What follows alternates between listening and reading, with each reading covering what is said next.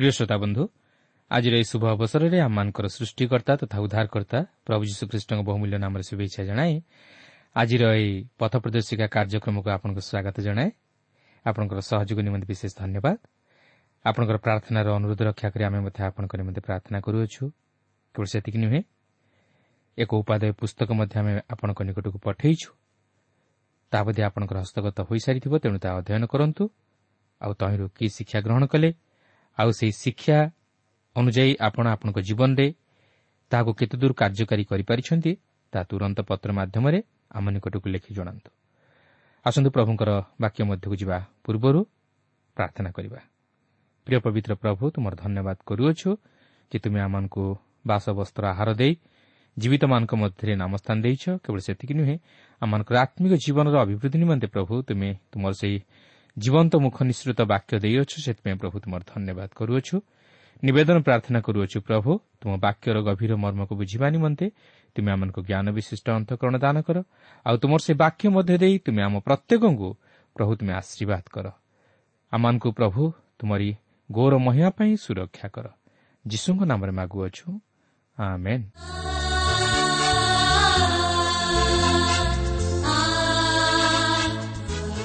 ଆସନ୍ତୁ ବର୍ତ୍ତମାନ ଆମେ ପ୍ରଭୁଙ୍କର ବାକ୍ୟ ମଧ୍ୟକୁ ଯିବା।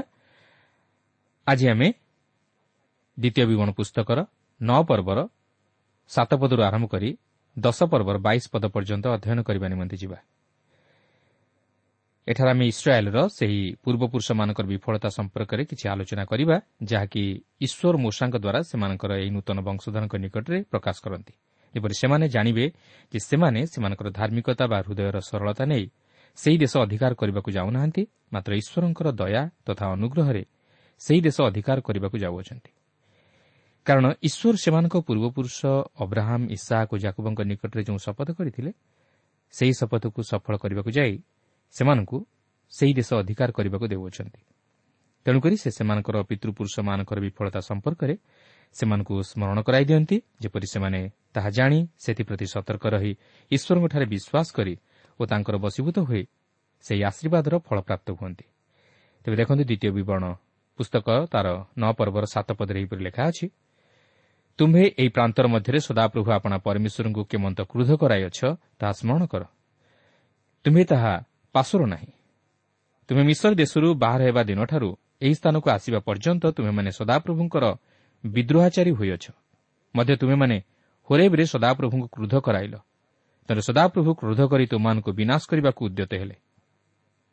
ଏହି ଅଂଶରେ ଆପଣ ଲକ୍ଷ୍ୟ କରିବେ ମୂଷା ସେମାନଙ୍କୁ ସେମାନଙ୍କର ଅତୀତ ଜୀବନର ଇତିହାସକୁ ସ୍ମରଣ କରାଇ ଦିଅନ୍ତି ଓ ବିଶେଷ କରି ସେହି ସମୟର ଘଟଣାକୁ ସ୍ମରଣ କରାଇ ଦିଅନ୍ତି ଯେଉଁ ସମୟରେ ସେମାନଙ୍କ ପିତୃପୁରୁଷମାନେ ଛାଞ୍ଚରେ ଢଳା ସେହି ସୁବର୍ଣ୍ଣର ଏକ ବାଛୁରୀ ନିର୍ମାଣ କରି ତାହାର ପୂଜା କଲେ। ଆପଣ ଯଦି ପୁରାତନ ନିୟମର ଯାତ୍ରା ପୁସ୍ତକ ତାହାର ବତିଶ ପର୍ବକୁ ପାଠ କରିବେ ତାହେଲେ ସେହି ବିଷୟ ସବୁ ଜାଣିପାରିବେ। ଯାହାକି ଆମେ ଏଥିପୂର୍ବରୁ ଆଲୋଚନା କରିସାରିଛୁ। ମୂଷାଙ୍କର ବଡ଼ ଭାଇ ହାରୁଣ ଯିଏକି ମହାଯାଜକ ଥିଲେ ସେ ସେହି ଲୋକମାନଙ୍କଠାରୁ ସମସ୍ତ ସୁବର୍ଣ୍ଣ ଅଳଙ୍କାର ପ୍ରଭୃତି ଗ୍ରହଣ କରି ସେହି ସୁବର୍ଣ୍ଣ ଅଳଙ୍କାର ଦ୍ୱାରା ସେମାନଙ୍କ ନିମନ୍ତେ ଛାଞ୍ଚରେ ଢଳା ଏକ ସୁବର୍ଣ୍ଣ ବାଛୁରୀ ନିର୍ମାଣ କରି ତାହାକୁ ଈଶ୍ୱର ବୋଲି ପୂଜା କରିବାକୁ ଲାଗିଲେ। ଆଉ ସେମାନେ ଏପରି କହିବାକୁ ଲାଗିଲେ ହେ ଇସ୍ରାଏଲ୍ ଯେଉଁ ଦେବତା ତୁମ୍ଭଙ୍କୁ ମିଶର ଦେଶରୁ ବାହାର କରି ଆଣିଲେ ସେ ଏହି। ଦେଖନ୍ତୁ କେଡ଼େ ଦୁଃଖର ବିଷୟ ଏହି ଲୋକମାନେ କେତେ ଶୀଘ୍ର ଈଶ୍ୱରଙ୍କୁ ଭୁଲିଯାଇ ପ୍ରତିମା ପୂଜାରେ ଆସକ୍ତ ହୋଇଗଲେ। ଯାହାକି ଈଶ୍ୱରଙ୍କ ଆଜ୍ଞାର ବିରୁଦ୍ଧାଚରଣ କାର୍ଯ୍ୟ ଥିଲା। କାରଣ ଈଶ୍ୱର ଏଥିପୂର୍ବରୁ ସେମାନଙ୍କୁ ଜଣାଇ ଦେଇ ଏହି ପ୍ରତିମା ପୂଜା ବିଷୟରେ ସତର୍କ କରାଇ ଦେଇଥିଲେ। କୌଣସି ପ୍ରତିମା ପୂଜା ନ କରିବା ପାଇଁ ଦୃଢ଼ ରୂପେ ଆଜ୍ଞା ଦେଇଥିଲେ। ଯାହାକି ଆମେ ସେହି ଦଶ ଆଜ୍ଞା ମଧ୍ୟରୁ ପ୍ରଥମ ଦୁଇଟି ଆଜ୍ଞାରେ ଦେଖିବାକୁ ପାଉ। ତେଣୁକରି ଏଠାରେ ଏହି ବିଷୟକୁ ଈଶ୍ୱର ମୂଷାଙ୍କ ଦ୍ୱାରା ପୁନର୍ବାର ସ୍ମରଣ କରାଇ ଦିଅନ୍ତି। ଏବଂ ଆପଣ ଦେଖିବେ ଈଶ୍ୱର ପୁନର୍ବାର ମଧ୍ୟ ସେମାନଙ୍କୁ ସେହି ବିଫଳତା ନେଇ ସ୍ମରଣ କରାଇ ଦେଇଥିଲେ ଯାହାକି ଆପଣ ପୁରାତନ ନିୟମର ଗୀତ ସଂହିତା ପୁସ୍ତକ ତହିଁର ଶହେ ଛଅ ପର୍ବର ଉଣେଇଶ ପଦରେ ଦେଖିବାକୁ ପାରିବେ। ସେଠାରେ ଲେଖା ଅଛି ସେମାନେ ହୋରେବରେ ଗୋଟିଏ ଗୋବଶ୍ୟ ନିର୍ମାଣ କଲେ ଓ ଛାଞ୍ଚରେ ଢଳା ପ୍ରତିମାକୁ ପ୍ରଣାମ କଲେ। ବାସ୍ତବରେ ଈଶ୍ୱର ସେମାନଙ୍କୁ ସେମାନଙ୍କର ବିଫଳତା ସମ୍ପର୍କରେ ଥରକୁ ଥର ସ୍ମରଣ କରାଇ ଦେଇଥିଲେ। ମାତ୍ର ସେମାନେ ଭୁଲିଗଲେ। ଓ ସେହିପରି ପ୍ରତିମା ପୂଜାରେ ଆସକ୍ତ ହେଲେ। ତେବେ ଏଠାରେ ଲକ୍ଷ୍ୟ କରିବାର ବିଷୟ ହେଉଛି ଯେ ଈଶ୍ୱର ସେମାନଙ୍କ ବିଷୟ ନେଇ କ'ଣ କହୁଅଛନ୍ତି ଆସନ୍ତୁ ତାହା ଦେଖିବା ଯାହାକି ମୂଷା ସେମାନଙ୍କୁ ଏଠାରେ ସ୍ମରଣ କରାଇ ଦିଅନ୍ତି। ଦେଖନ୍ତୁ ନଅ ପର୍ବର ବାର ପଦରୁ ଚଉଦ ପଦ ମଧ୍ୟରେ ଏହିପରି ଲେଖା ଅଛି ପୁଣି ସଦାପ୍ରଭୁ ମୋତେ କହିଲେ ଉଠ ଏ ସ୍ଥାନରୁ ଶୀଘ୍ର ଓହ୍ଲାଇ ଯାଅ କାରଣ ତୁମ୍ଭେ ଯେଉଁମାନଙ୍କୁ ମିଶରରୁ ବାହାର କରି ଆଣିଅଛ ତୁମର ସେହି ଲୋକମାନେ ଆପଣାମାନଙ୍କୁ ଭ୍ରଷ୍ଟ କରିଅଛନ୍ତି। ଆମ୍ଭେ ସେମାନଙ୍କୁ ଯେଉଁ ପଥ ବିଷୟରେ ଆଜ୍ଞା ଦେଲୁ ତହିଁରୁ ସେମାନେ ଶୀଘ୍ର ବିମୁଖ ହୋଇଅଛନ୍ତି। ସେମାନେ ଆପଣମାନଙ୍କ ନିମନ୍ତେ ଛାଞ୍ଚରେ ଢଳା ଏକ ପ୍ରତିମା ନିର୍ମାଣ କରିଅଛନ୍ତି। ଆହୁରି ସଦାପ୍ରଭୁ ମୋତେ କହିଲେ ଆମ୍ଭେ ଏହି ଲୋକମାନଙ୍କୁ ଦେଖିଲୁ ଆଉ ଦେଖ ଏମାନେ ଶକ୍ତଗ୍ରୀବ ଲୋକ। ଆମ୍ଭକୁ ଛାଡ଼ିଦିଅ ତହିଁରେ ଆମ୍ଭେ ସେମାନଙ୍କୁ ବିନାଶ କରିବା। ଓ ଆକାଶମଣ୍ଡଳ ତଳୁ ସେମାନଙ୍କ ନାମ ଲୋପ କରିବା। ମାତ୍ର ଆମ୍ଭେ ତୁମଠାରୁ ସେମାନଙ୍କ ଅପେକ୍ଷା ଅଧିକ ବଳବତୀ ଓ ମହତି ଏକ ଗୋଷ୍ଠୀ ଉତ୍ପନ୍ନ କରିବା। ଚିନ୍ତା କରନ୍ତୁ ଈଶ୍ୱର କେତେ ଦୂର କ୍ରୋଧ ପ୍ରକାଶ କରିଥିଲେ। ସେ ଯେଉଁ ବିଷୟ ନେଇ ନିଷେଧ କରିଥିଲେ ଇସ୍ରାଏଲ୍ ଲୋକମାନେ ତାହା ହିଁ କଲେ। କାରଣ ସେହି ସମୟରେ ମୂଷା ସେମାନଙ୍କ ସହିତ ନଥିବା ହେତୁ ସେମାନେ ତାଙ୍କର ଭାଇ ହାରଣଙ୍କୁ ମତାଇ ଏହିପରି ଈଶ୍ୱରଙ୍କ ବିରୁଦ୍ଧାଚରଣ କାର୍ଯ୍ୟ କଲେ। ଆଉ ହାରଣ ମଧ୍ୟ ସେମାନଙ୍କ କଥାରେ ପଡ଼ି ସେହିପରି କାର୍ଯ୍ୟ କରିବା ଦ୍ୱାରା ସେ ମଧ୍ୟ ଈଶ୍ୱରଙ୍କ ବିରୁଦ୍ଧରେ ପାପ କଲେ। କିନ୍ତୁ ଏହିସବୁ କାହିଁକି ଘଟିଲା? ଯେହେତୁ ସେମାନେ ଈଶ୍ୱରଙ୍କଠାରେ ବିଶ୍ୱାସ ରଖିପାରିଲେ ନାହିଁ କି ଈଶ୍ୱରଙ୍କର ସମସ୍ତ ଉପକାରକୁ ସ୍ମରଣ କରିପାରିଲେ ନାହିଁ ସେମାନେ ପ୍ରତିମା ପୂଜା କରି ଈଶ୍ୱରଙ୍କୁ ଗୌରବ ଦେବାକୁ ଓ ତାହାଙ୍କୁ ସନ୍ତୁଷ୍ଟ କରିବାକୁ ଚାହିଁଥିଲେ ମାତ୍ର ଈଶ୍ୱର ତାହା ଚାହିଁନଥିଲେ। ଯେହେତୁ ସେ ଜୀବନ୍ତ ଈଶ୍ୱର କିନ୍ତୁ ମୃତ ଈଶ୍ୱର ନୁହନ୍ତି। ସେ ଚାହାନ୍ତି ମନୁଷ୍ୟମାନେ ଯେପରି ଜୀବନ୍ତ ଭାବରେ ତାହାଙ୍କର ଉପାସନା କରନ୍ତୁ। ସେମାନେ ଈଶ୍ୱରଙ୍କର ସ୍ୱରୂପକୁ ଛାଞ୍ଚରେ ଢଳା ଏକ ବାଛୁରୀ ସହିତ ତୁଳନା କରି ଈଶ୍ୱରଙ୍କ ମନରେ କ୍ରୋଧ ଜନ୍ମାଇଲେ। ପ୍ରିୟ ବନ୍ଧୁ ସେଦିନ ଈଶ୍ୱର ଯେପରି ସେହି ଲୋକମାନଙ୍କର ଶକ୍ତ ଗ୍ରୀବତାକୁ ଜାଣିଥିଲେ ଆଜି ମଧ୍ୟ ସେ ଆପଣଙ୍କୁ ଓ ମୋତେ ଭଲ ଭାବେ ଜାଣନ୍ତି। ଆମମାନଙ୍କ ମନର ଭାବନା କାମନା ମଧ୍ୟ ସେ ଜାଣନ୍ତି। ଆମେ ତାହାଙ୍କୁ କେଉଁପରି ଭାବରେ ଗୌରବ ଦେଉଛୁ ତାହା ମଧ୍ୟ ସେ ଜାଣନ୍ତି। କିନ୍ତୁ ଆଜି ଆମେ ଈଶ୍ୱରଙ୍କୁ କେଉଁପରି ସ୍ତରରେ ରଖି ଗୌରବ ଦେଉଛୁ ବା ତାହାଙ୍କର ସେବା ପୂଜା ଓ ଆରାଧନା କରୁଅଛୁ? କେବଳ ଯେ ପ୍ରତିମା ପୂଜା କଲେ ଆମେ ପ୍ରତିମା ପୂଜକ ରୂପେ ଈଶ୍ୱରଙ୍କର କ୍ରୋଧର ପାତ୍ର ହେଉ ତାହା ନୁହେଁ। ମାତ୍ର ଆମେ ଯଦି ଈଶ୍ୱରଙ୍କର ବିଦ୍ରୋହାଚରଣ କରୁ ଓ ତାହାଙ୍କର ଅବାଧ୍ୟ ହେଉ ତାହେଲେ ଆମେ ମଧ୍ୟ ପ୍ରତିମା ପୂଜକ ରୂପେ ଗଣିତ ହୋଇ ଈଶ୍ୱରଙ୍କର କ୍ରୋଧର ପାତ୍ର ହୋଇଥାଉ। ତେଣୁ ପ୍ରଥମ ସାମିଲ ପନ୍ଦର ପର୍ବର ତେଇଶ ପଦ ଯଦି ପାଠ କରିବେ ତାହେଲେ ଜାଣିପାରିବେ ସେଠାରେ ଲେଖା ଅଛି ଯେହେତୁ ବିଦ୍ରୋହିତା ମନ୍ତ୍ରପାଠ ପାପତୁଲ୍ୟ ଓ ଅବାଧ୍ୟତା ଅବସ୍ତୁର ଓ ଠାକୁରମାନର ପୂଜା ତୁଲ୍ୟ ତେଣୁ ନିଜକୁ ପ୍ରଶ୍ନ କରନ୍ତୁ ଯେ ଆପଣ କେଉଁପରି ଭାବରେ ଈଶ୍ୱରଙ୍କୁ ଗୌରବ ଦେଉଛନ୍ତି। ଯଦି ଈଶ୍ୱରଙ୍କ ବାକ୍ୟ ଅନୁଯାୟୀ ଆପଣ ଜୀବନଯାପନ କରିପାରିନାହାନ୍ତି ତାହେଲେ ଆଜି ବି ସମୟ ଅଛି। ନିଜର ଅନ୍ଧବିଶ୍ୱାସରୁ ଓ କାଳ୍ପନିକ ଚିନ୍ତାଧାରାରୁ ଫେରିଆସନ୍ତୁ ସତ୍ୟ ଓ ଜୀବନ୍ତ ଭାବରେ ଈଶ୍ୱରଙ୍କର ଉପାସନା କରନ୍ତୁ। ଈଶ୍ୱର ତାହା ହିଁ ଆମର ପ୍ରତ୍ୟେକଙ୍କ ଜୀବନରୁ ଆଶା କରନ୍ତି। ସେଥିପାଇଁ ପ୍ରେରିତ ପାଉଲ କହନ୍ତି ଯାହାକି ପ୍ରେରିତ ପୁସ୍ତକ ସତର ପର୍ବର ଅଣତିରିଶ ପଦରେ ଲେଖା ଅଛି ତେବେ ଆମ୍ଭେମାନେ ଈଶ୍ୱରଙ୍କର ବଂଶ ହେବାରୁ ଈଶ୍ୱରଙ୍କ ସ୍ୱରୂପକୁ ମନୁଷ୍ୟର ଶିଳ୍ପ ଓ କଳ୍ପନା ଅନୁସାରେ ଖୋଦିତ ସ୍ୱର୍ଣ୍ଣ କି ରୌପ୍ୟ କି ପ୍ରସ୍ତରତୁଲ୍ୟ ଜ୍ଞାନ କରିବା ଆମମାନଙ୍କର ଉଚିତ ନୁହେଁ। ତେଣୁ ପ୍ରିୟ ବନ୍ଧୁ ଈଶ୍ୱରଙ୍କୁ କୌଣସି ପ୍ରତିମା ସହିତ ତୁଳନା କରି ତାହାଙ୍କର ଅଗୌରବ ନ କରନ୍ତୁ କି ତାହାଙ୍କ ମନରେ ଦୁଃଖ ଦେଇ ତାହାଙ୍କର କ୍ରୋଧର ପାତ୍ର ନ ହୁଅନ୍ତୁ। ମାତ୍ର ସତ୍ୟ ଓ ଆତ୍ମାରେ ତାହାଙ୍କର ସେବା କରି ତାହାଙ୍କର ଆଶୀର୍ବାଦର ପାତ୍ରପାତ୍ରୀ ହୁଅନ୍ତୁ। ତେବେ ଏଠାରେ ଲକ୍ଷ୍ୟ କରିବାର ବିଷୟ ହେଉଛି ଯେ ଈଶ୍ୱର ସେମାନଙ୍କ ଉପରେ କ୍ରୋଧ କରି ମୂଷାଙ୍କୁ କହୁଛନ୍ତି ମାତ୍ର ଆମ୍ଭେ ତୁମ୍ଭଠାରୁ ସେମାନଙ୍କ ଅପେକ୍ଷା ଅଧିକ ବଳବତୀ ଓ ମହତୀ ଏକ ଗୋଷ୍ଠୀ ଉତ୍ପନ୍ନ କରିବା ଯାହାକି ମୂଷାଙ୍କ ନିମନ୍ତେ ଏକ ପ୍ରଲୋଭନର ବିଷୟ ଥିଲା। କିନ୍ତୁ ସେ ତହିଁରେ ପ୍ରଲୋଭିତ ହୋଇଯାଇନଥିଲେ ମାତ୍ର ସେ ଲୋକମାନଙ୍କ ତରଫରୁ ଈଶ୍ୱରଙ୍କ ନିକଟରେ କ୍ଷମା ପ୍ରାର୍ଥନା କରି ନିବେଦନ କରିଥିଲେ ଯାହାକି ଆପଣ ଯାତ୍ରା ପୁସ୍ତକର ତେତିଶ ପର୍ବର ବାର ପଦରୁ ସତର ପଦ ମଧ୍ୟରେ ପାଠ କଲେ ଦେଖିବାକୁ ପାରିବେ। ଏଠାରେ ଆମେ ମୂଷାଙ୍କ ଜୀବନରେ ଏକ ନିଃସ୍ୱାର୍ଥପର ସେବାର ମନୋଭାବ ଦେଖିବାକୁ ପାରୁଛୁ। ସେ ଲୋକମାନଙ୍କର ବିଫଳତାରେ ଖୁସି ନ ହୋଇ ବରଂ ସେମାନଙ୍କ ତରଫରୁ ଈଶ୍ୱରଙ୍କ ନିକଟରେ କ୍ଷମା ପ୍ରାର୍ଥନା କରୁଅଛନ୍ତି। ଆଜି ଆମମାନଙ୍କର ମଧ୍ୟ ସେହିପରି ମନୋଭାବ ହେବା ଉଚିତ। ଯଦିଓ ସେମାନଙ୍କ ଲାଗି ମୂଷା ବାରମ୍ବାର ଅସୁବିଧାର ସମ୍ମୁଖୀନ ହେଉଥିଲେ ଓ ସେମାନେ ମୂଷାଙ୍କ ବିରୁଦ୍ଧରେ ବଚସା କରୁଥିଲେ ତଥାପି ମୂଷା ସେମାନଙ୍କ ପ୍ରତି ଦୟାଭାବ ଭଇ ସେମାନଙ୍କ ନିମନ୍ତେ ଈଶ୍ୱରଙ୍କଠାରେ ନିବେଦନ କରୁଥିଲେ। ଯେହେତୁ ସେ ଈଶ୍ୱର ଓ ଇସ୍ରାଏଲ୍ ଲୋକମାନଙ୍କ ମଧ୍ୟରେ ମଧ୍ୟସ୍ଥି ସ୍ୱରୂପେ କାର୍ଯ୍ୟ କରୁଥିଲେ। ପ୍ରିୟ ବନ୍ଧୁ ଆଜି ମଧ୍ୟ ପ୍ରଭୁ ଯୀଶୁଖ୍ରୀଷ୍ଟ ଈଶ୍ୱର ଓ ମନୁଷ୍ୟମାନଙ୍କ ମଧ୍ୟରେ ମଧ୍ୟସ୍ଥି ସ୍ୱରୂପେ କାର୍ଯ୍ୟ କରୁଅଛନ୍ତି। ସେ ଆମମାନଙ୍କର ନିମନ୍ତେ ପିତା ଈଶ୍ୱରଙ୍କଠାରେ ନିତ୍ୟ ନିବେଦନ କରନ୍ତି ଯେପରି ଆମେ ପାପରେ ବିନଷ୍ଟ ନ ହୋଇ ସେହି ଆତ୍ମିକ ଆଶୀର୍ବାଦର ଅଧିକାରୀ ହେଉ। ଆମେ ପ୍ରଭୁ ଯୀଶୁଙ୍କ ବିରୁଦ୍ଧରେ ବଚସା କଲେ ମଧ୍ୟ ଓ ଈଶ୍ୱରଙ୍କର ବିରୁଦ୍ଧାଚରଣ କାର୍ଯ୍ୟ କଲେ ମଧ୍ୟ ସେ ଆମମାନଙ୍କୁ ପାଶୋରି ଯାଇନାହାନ୍ତି। ମାତ୍ର ଆମମାନଙ୍କର ମଙ୍ଗଳ ନିମନ୍ତେ ପିତା ଈଶ୍ୱରଙ୍କଠାରେ ନିତ୍ୟ ନିବେଦନ କରନ୍ତି। ଯେହେତୁ ସେ ଆମମାନଙ୍କର ପାପ ନିମନ୍ତେ ପ୍ରାୟଶ୍ଚିତ ସାଧନ କରିଅଛନ୍ତି। କିନ୍ତୁ ଆଜି କ'ଣ ଆମେ ତାଙ୍କର ସେହି ପ୍ରେମ ଓ କ୍ଷମାଶୀଳ ହୃଦୟକୁ ଚିହ୍ନିପାରିଛୁ କି? ଏଠାରେ ଆପଣ ଲକ୍ଷ୍ୟ କରିବେ ମୂଷା ପର୍ବତରୁ ଓହ୍ଲାଇ ସେହି ସମସ୍ତ ଦୃଶ୍ୟ ଦେଖି ନିୟମର ସେହି ଦୁଇ ପ୍ରସ୍ତର ଫଳକୁ ଫୋପାଡ଼ି ଦେଉଛନ୍ତି ଯେହେତୁ ସେମାନେ ଈଶ୍ୱରଙ୍କର ଆଜ୍ଞାର ବିରୁଦ୍ଧାଚରଣ କାର୍ଯ୍ୟ କରି ବିମୁଖ ହୋଇଥିଲେ। ସେମାନେ ବ୍ୟବସ୍ଥା ଲଙ୍ଘନ ଦୋଷରେ ଦୋଷୀ ହୋଇଥିଲେ ଓ ଏଥିସହିତ ସେ ସେମାନଙ୍କ ଦୁଷ୍ଟତା ଲାଗି ପୂର୍ବପରି ଚାଳିଶ ଦିନ ଓ ଚାଳିଶ ରାତ୍ରି ଅନ୍ନଭୋଜନ କି ଜଳପାନ ନ କରି ଈଶ୍ୱରଙ୍କ ସମ୍ମୁଖରେ ମୁହଁମାଡ଼ି ପଡ଼ି ରହିଲେ। ଅର୍ଥାତ୍ ସେ ଈଶ୍ୱରଙ୍କ ଭୟଙ୍କର କୋପ ଓ ପ୍ରଚଣ୍ଡତା ଆଗରେ ଭୀତ ହୋଇଥିଲେ। କାରଣ ଈଶ୍ୱର ସେମାନଙ୍କୁ ବିନାଶ କରିବା ପାଇଁ ମୂଷାଙ୍କୁ କହିଥିଲେ। ତେଣୁ ସେ ଏହିପରି ଉପବାସର ସହିତ ଈଶ୍ୱରଙ୍କ ନିକଟରେ ଲୋକମାନଙ୍କ ତରଫରୁ କ୍ଷମା ପ୍ରାର୍ଥନା କରିଥିଲେ ଯାହାକି ଆପଣ ନଅ ପର୍ବର ପନ୍ଦର ପଦରୁ ଉଣେଇଶ ପଦ ମଧ୍ୟରେ ଦେଖିବାକୁ ପାରିବେ। କାରଣ ସେ ଜାଣିଥିଲେ ଯେ ଈଶ୍ୱର ଯଦିଓ ପାପକୁ ଘୃଣା କରନ୍ତି ମାତ୍ର ସେ ପାପିକୁ ପ୍ରେମ କରନ୍ତି।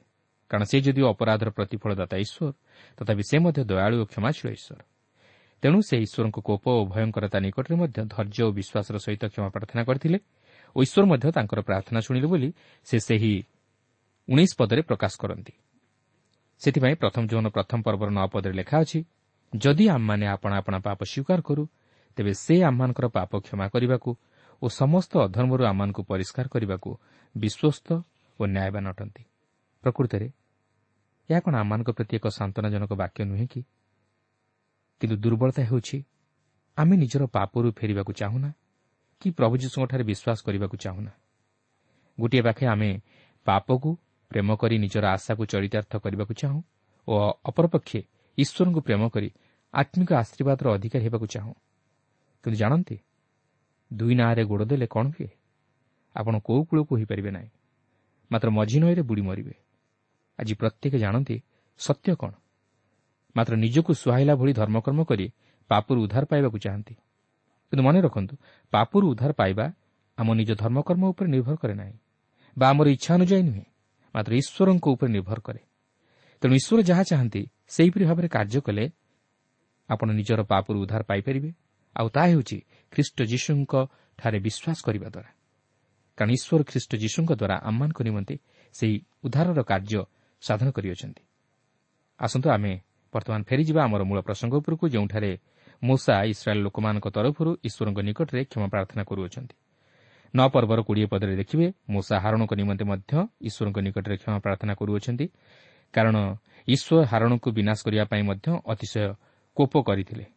ଏଥିରୁ ଜଣାଯାଏ ସାଧାରଣ ଲୋକଙ୍କ ଅପେକ୍ଷା ହାରଣଙ୍କ ଉପରେ ଈଶ୍ୱର ଅତିଶୟ କ୍ରୋଧ କରିଥିଲେ କାରଣ ହାରଣ ମହାଯାଜକ ଥିଲେ। କାରଣ ଯାହାକୁ ବହୁତ ଦିଆଯାଇଥାଏ ତାହାଠାରୁ ବହୁତ ଦାବି କରାଯାଏ। ତେଣୁକରି ହାରଣଙ୍କ ପ୍ରତି ଈଶ୍ୱର ଅତିଶୟ କୋପ କରିଥିଲେ। କିନ୍ତୁ ଈଶ୍ୱର ହାରଣଙ୍କୁ ମଧ୍ୟ କ୍ଷମା କଲେ ଯେହେତୁ ସେ ଦୟାଳୁ ଓ କ୍ଷମାଶୀଳ ଈଶ୍ୱର ଓ ସେ ଆମମାନଙ୍କର ଆକୁଳ ପ୍ରାର୍ଥନା ମଧ୍ୟ ଶୁଣନ୍ତି। ଏହାପରେ ଏକୋଇଶ ପଦରେ ଲକ୍ଷ୍ୟ କରିବେ ମୂଷା ସେହି ଛାଞ୍ଚରେ ଢଳା ବାଛୁରୀକୁ ନେଇ ଅଗ୍ନିରେ ଦଗ୍ଧ କରି ତାହାକୁ ପେଶି ଚୂର୍ଣ୍ଣ କରି ଧୂଳିରେ ପରିଣତ କରି ସେହି ଧୂଳିକୁ ନେଇ ପର୍ବତ ନିର୍ଗତ ଜଳସ୍ରୋତରେ ନିକ୍ଷେପ କଲେ। ଏହାକୁ ଚିନ୍ତା କଲେ ବାସ୍ତବରେ ଏହା ଏକ କୌତୁହଳ ବିଷୟ ପରି ମନେ ହୁଏ। ମାତ୍ର ଏହାର ଏକ ତାତ୍ପର୍ଯ୍ୟ ରହିଅଛି ତାହା ହେଉଛି ସୂଚୀକରଣ। ଅର୍ଥାତ୍ ମୂଷା ସେହିପରି କରିବା ଦ୍ୱାରା ସେ ସେମାନଙ୍କୁ ସେହି ଅପରାଧରୁ ସୂଚୀ କଲେ। କାରଣ ପୁରାତନ ନିୟମରେ ସ୍ରୋତ ଜଳ ସୂଚୀକରଣ ନିମନ୍ତେ ମଧ୍ୟ ବ୍ୟବହୃତ ହେଉଥିଲା। ଏହାପରେ ବାଇଶରୁ ଚବିଶ ପଦରେ ମୂଷା ସେମାନଙ୍କ ଅତୀତର ବିଫଳତା ସମ୍ପର୍କରେ ସେମାନଙ୍କୁ ସ୍ମରଣ କରାଇ ଦିଅନ୍ତି।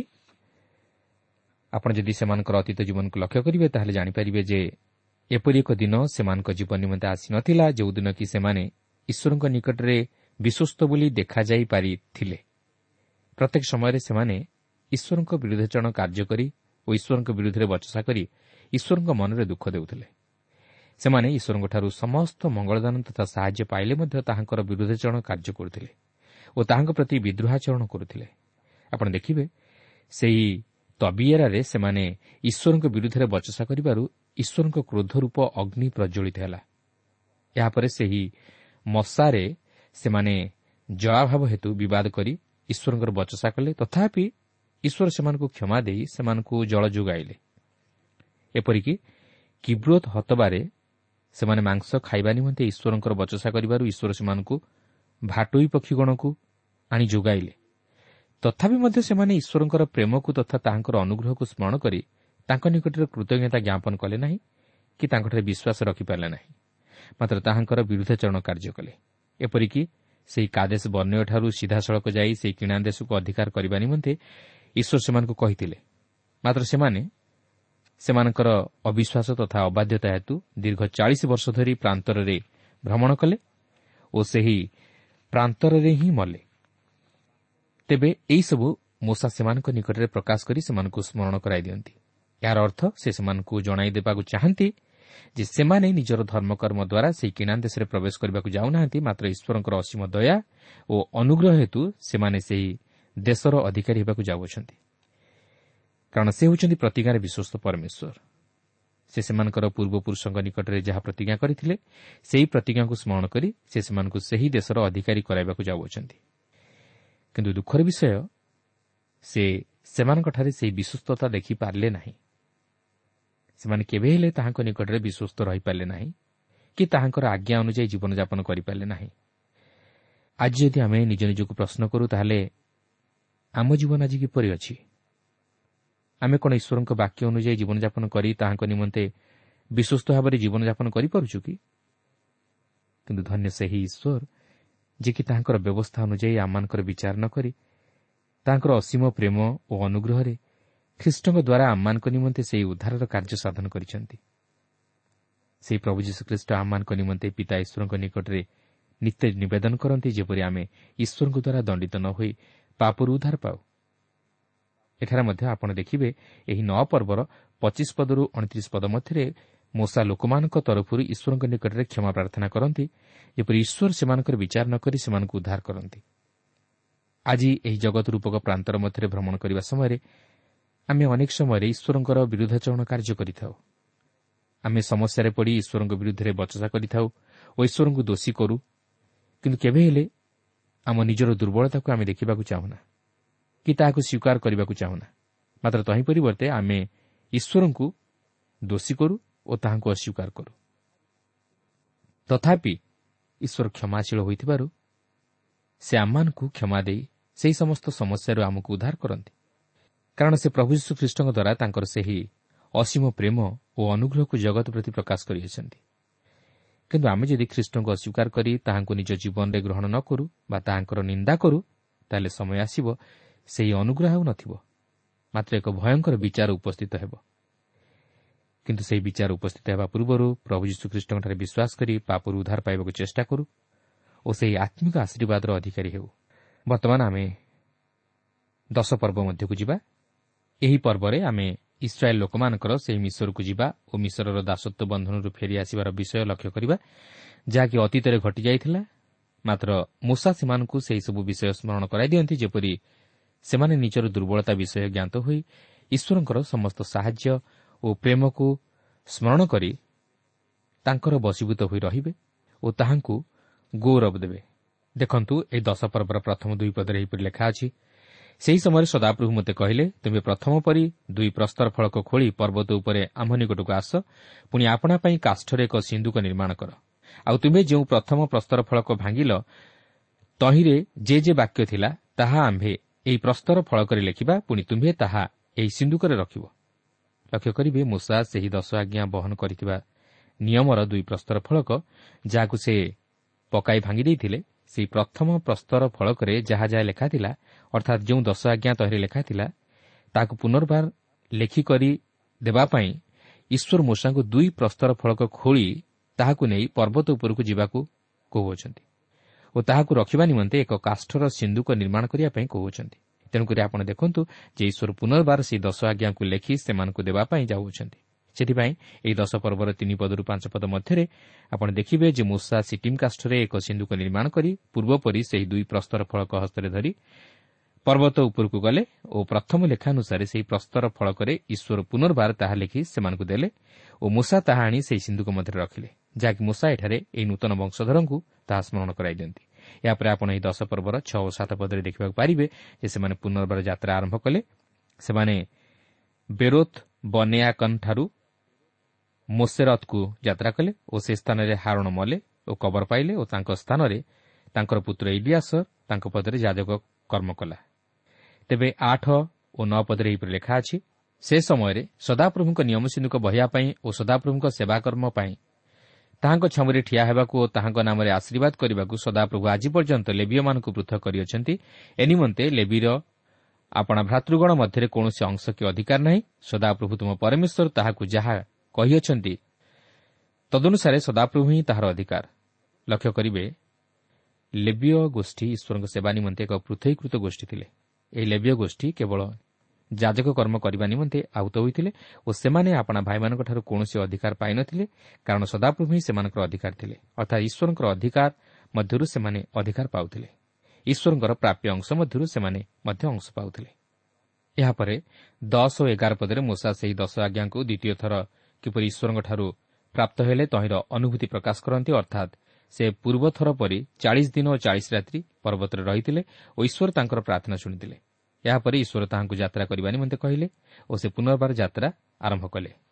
ଏହାପରେ ଏହି ଦଶ ପର୍ବର ବାର ଓ ତେର ପଦରେ ଦେଖନ୍ତୁ ମୂଷା ସେମାନଙ୍କୁ କହନ୍ତି ଏବେ ହେ ଇସ୍ରାଏଲ୍ ସଦାପ୍ରଭୁ ତୁମ ପରମେଶ୍ୱରଙ୍କୁ ଭୟ କରିବାର ତାହାଙ୍କ ସକଳ ପଥରେ ଗମନ କରିବାର ଓ ତାହାଙ୍କୁ ପ୍ରେମ କରିବାର ପୁଣି ଆପଣାର ସମସ୍ତ ଅନ୍ତଃକରଣ ଆପଣାର ସମସ୍ତ ପ୍ରାଣ ସହିତ ସଦାପ୍ରଭୁ ତୁମ ପରମେଶ୍ୱରଙ୍କ ସେବା କରିବାର ଆଉ ଆଜି ମୁଁ ତୁମ ହିତ ନିମନ୍ତେ ସଦାପ୍ରଭୁଙ୍କ ଯେ ଯେ ଆଜ୍ଞା ଓ ବିଧି ତୁମମାନଙ୍କୁ ଦେଉଅଛି ସେ ସମସ୍ତ ପାଳନ କରିବାର ଏସବୁ ଛଡ଼ା ସଦାପ୍ରଭୁ ତୁମ ପରମେଶ୍ୱର ତୁମଠାରେ ଆଉ କ'ଣ ଲୋଡ଼ନ୍ତି? କିନ୍ତୁ ଦୁଃଖର ବିଷୟ ଇସ୍ରାଏଲ୍ ଲୋକମାନେ ବ୍ୟବସ୍ଥା ଅନୁଯାୟୀ ସମସ୍ତ ଧର୍ମକର୍ମ ସାଧନ କରିପାରି ନଥିଲେ ସେମାନେ ତାହା ପାଳନ କରିବାରେ ବିଫଳ ହେଲେ। ତେଣୁକରି ସେମାନେ ଈଶ୍ୱରଙ୍କ ଦ୍ୱାରା ବିଚାରିତ ହେଲେ। ଆପଣ ଦେଖିବେ ଯେ ସେମାନେ କୌଣସି କ୍ଷେତ୍ରରେ ଈଶ୍ୱରଙ୍କ ନିକଟରେ ବିଶ୍ୱସ୍ତ ଦେଖାଯାଇପାରି ନ ଥିଲେ। ତଥାପି ଈଶ୍ୱର ତାହାଙ୍କର ଅସୀମ ଅନୁଗ୍ରହ ଓ ଦୟା ହେତୁ ସେମାନଙ୍କୁ କଢ଼ାଇ ଆଣିଥିଲେ ଓ ସେମାନଙ୍କୁ ସଫଳତା ପ୍ରଦାନ କରିଥିଲେ। ଏହାପରେ ଚଉଦରୁ ବାଇଶ ପଦ ମଧ୍ୟରେ ମୂଷା ଈଶ୍ୱରଙ୍କର ମହାନତାକୁ ତାଙ୍କର ପ୍ରେମକୁ ଓ ତାଙ୍କର ସାର୍ବଭୌମ କ୍ଷମତାକୁ ପ୍ରକାଶ କରନ୍ତି। ସେ ଇସ୍ରାଏଲ୍ ପ୍ରତି ଯାହା କିଛି ମଙ୍ଗଳ ବିଷୟ ସାଧନ କରିଅଛନ୍ତି ତାହା ସେମାନଙ୍କର ଧର୍ମକର୍ମ ହେତୁ ନୁହେଁ ମାତ୍ର ତାହାଙ୍କର ଅସୀମ ଅନୁଗ୍ରହ ହେତୁ ଯେ କରିଅଛନ୍ତି ତାହା ମୂଷା ଏଠାରେ ପ୍ରକାଶ କରନ୍ତି। ସେ ଯେ ସେମାନଙ୍କୁ ମିଶର ଦେଶକୁ ନେଲେ ଓ ମିଶର ଦେଶରୁ ବାହାର କରି ଆଣିଲେ ତାହା ମଧ୍ୟ ପ୍ରକାଶ କରନ୍ତି। ଆଉ ଏହି ସମସ୍ତ କେବଳ ତାହାଙ୍କର ଅନୁଗ୍ରହ ଦ୍ୱାରା ହିଁ ସେ ସାଧନ କଲେ। ମାତ୍ର ସେମାନଙ୍କର ଧର୍ମକର୍ମ ହେତୁ ନୁହେଁ। କିନ୍ତୁ ଏଠାରେ ମୁଁ କୋଡ଼ିଏ ପଦ ଉପରେ ଆପଣଙ୍କର ଦୃଷ୍ଟି ଆକର୍ଷଣ କରିବା ପାଇଁ ଚାହେଁ। ଦେଖନ୍ତୁ ଏଠାରେ ଲେଖା ଅଛି ତୁମେ ସଦାପ୍ରଭୁ ଆପଣା ପରମେଶ୍ୱରଙ୍କୁ ଭୟ କରିବ ତାହାଙ୍କର ତୁମେ ସେବା କରିବ ଓ ତାହାଙ୍କଠାରେ ତୁମ୍ଭେ ଆସକ୍ତ ହେବ। ପୁଣି ତାହାଙ୍କ ନାମରେ ତୁମେ ଶପଥ କରିବ। ଆପଣ ଦେଖିବେ ପ୍ରଭୁ ଯୀଶୁଖ୍ରୀଷ୍ଟ ଯେତେବେଳେ ଶୟତାନ ଦ୍ୱାରା ପରୀକ୍ଷିତ ହେଲେ ସେତେବେଳେ ସେ ଶୟତାନଙ୍କୁ ଏହି ଉକ୍ତି ପ୍ରକାଶ କରି କହିଥିଲେ ତୁମେ ପ୍ରଭୁ ଆପଣା ଈଶ୍ୱରଙ୍କୁ ପ୍ରଣାମ କରିବ ପୁଣି କେବଳ ତାହାଙ୍କର ଉପାସନା କରିବ। ଆପଣ ଦେଖନ୍ତୁ ପ୍ରଭୁ ଯୀଶୁ ମଧ୍ୟ ଏହି ଦ୍ୱିତୀୟ ବିବରଣ ପୁସ୍ତକ ସହିତ ଅତି ପରିଚିତ ଥିଲେ ଓ ସେ ଏହି ବାକ୍ୟ ଦ୍ୱାରା ଶୟତାନଙ୍କୁ ପରାସ୍ତ କରିଥିଲେ ଓ ଶୟତାନର ପରୀକ୍ଷା ଉପରେ ବିଜୟ ଲାଭ କରିଥିଲେ। ପ୍ରିୟ ବନ୍ଧୁ ଆଜି ଆପଣ କାହାକୁ ଭୟ କରନ୍ତି? କ'ଣ ପ୍ରକୃତିର କରାଳ ରୂପକୁ ଦେଖି ଭୟ କରି ତାହାକୁ ଈଶ୍ୱର ବୋଲି ମାନନ୍ତି? ନା ଯେ ପ୍ରକୃତିର ନିୟନ୍ତ୍ରଣକର୍ତ୍ତା ଅର୍ଥାତ୍ ଯାହାଙ୍କ ଅଧୀନରେ ପ୍ରକୃତି ପରିଚାଳିତ ତାହାଙ୍କୁ ଈଶ୍ୱର ବୋଲି ମାନନ୍ତି। ମୁଁ ଆପଣଙ୍କୁ ଗୋଟିଏ ବିଷୟ କହିବାକୁ ଚାହେଁ ଯେ ଯଦି ଆପଣ ଈଶ୍ୱରଙ୍କୁ ଭୟ ନ କରନ୍ତି ତାହେଲେ ଆପଣ ଅନ୍ୟକୁ ଭୟ କରିବେ। କିନ୍ତୁ ଯଦି ଆପଣ ଈଶ୍ୱରଙ୍କୁ ଭୟ କରି ତାହାଙ୍କର ବଶୀଭୂତ ହୋଇ ରୁହନ୍ତି ତାହେଲେ ଅନ୍ୟମାନେ ଆପଣଙ୍କୁ ଭୟ କରିବେ। ତେଣୁ ଈଶ୍ୱରଙ୍କ ବାକ୍ୟକୁ ହୃଦୟ ମଧ୍ୟରେ ଗ୍ରହଣ କରି ତାହାଙ୍କୁ ଭୟ କରି ତାଙ୍କର ବଶୀଭୂତ ହୋଇ ରୁହନ୍ତୁ ଓ ପ୍ରଭୁ ଯୀଶୁଖ୍ରୀଷ୍ଟଙ୍କଠାରେ ବିଶ୍ୱାସ କରି ନିଜର ପାପ ତାହାଙ୍କ ନିକଟରେ ସ୍ୱୀକାର କରି ପାପରୁ ଉଦ୍ଧାର ପାଇ ସେହି ଆତ୍ମିକ ଆଶୀର୍ବାଦର ଅଧିକାରୀ ହୁଅନ୍ତୁ ତାହେଲେ ଆପଣ ଜୀବନରେ ସଫଳତା ଲାଭ କରିପାରିବେ। ପ୍ରଭୁ ପ୍ରତ୍ୟେକଙ୍କୁ ଏହି ସଂକ୍ଷିପ୍ତ ଆଲୋଚନା ମଧ୍ୟ ଦେଇ ଆଶୀର୍ବାଦ କରନ୍ତୁ।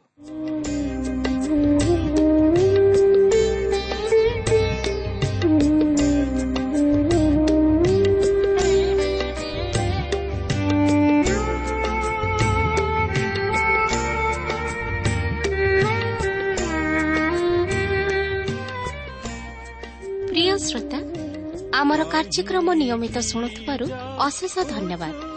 ଆପଣ ଏହି କାର୍ଯ୍ୟକ୍ରମ ଶୁଣିବା ଦ୍ୱାରା ଆତ୍ମିକ ଜୀବନରେ ଉପକୃତ ହୋଇପାରିଥିବେ ବୋଲି ଆମର ବିଶ୍ୱାସ। ପ୍ରଭୁ ଯୀଶୁଙ୍କ ବିଷୟରେ ଅଧିକ ଜାଣିବାର ଆଗ୍ରହ ଥିଲେ ଅଥବା ଉପାଦାୟ ପୁସ୍ତକର ଆବଶ୍ୟକ ଥିଲେ ଆମ ସହ ଯୋଗାଯୋଗ କରନ୍ତୁ। ଆମର ଠିକଣା ପଥ ପ୍ରଦର୍ଶିକା Trans World Radio India post box number ତିନି ତିନ ଭୁବନେଶ୍ୱର ସାତ ପାଞ୍ଚ ଏକ ଶୂନ ଶୂନ ଏକ। Mobile number nine seven double seven double two ठिकनाटि आउनु पथ प्रदर्शिका Trans World Radio India post box number three three Bhubaneswar seven five one zero zero one mobile number nine seven double seven double two one four one five আমার email address টি লিখে রাখুন Odia TTV আট radio eight eight two dot com তেবে আজ বিদায় দিন নমস্কার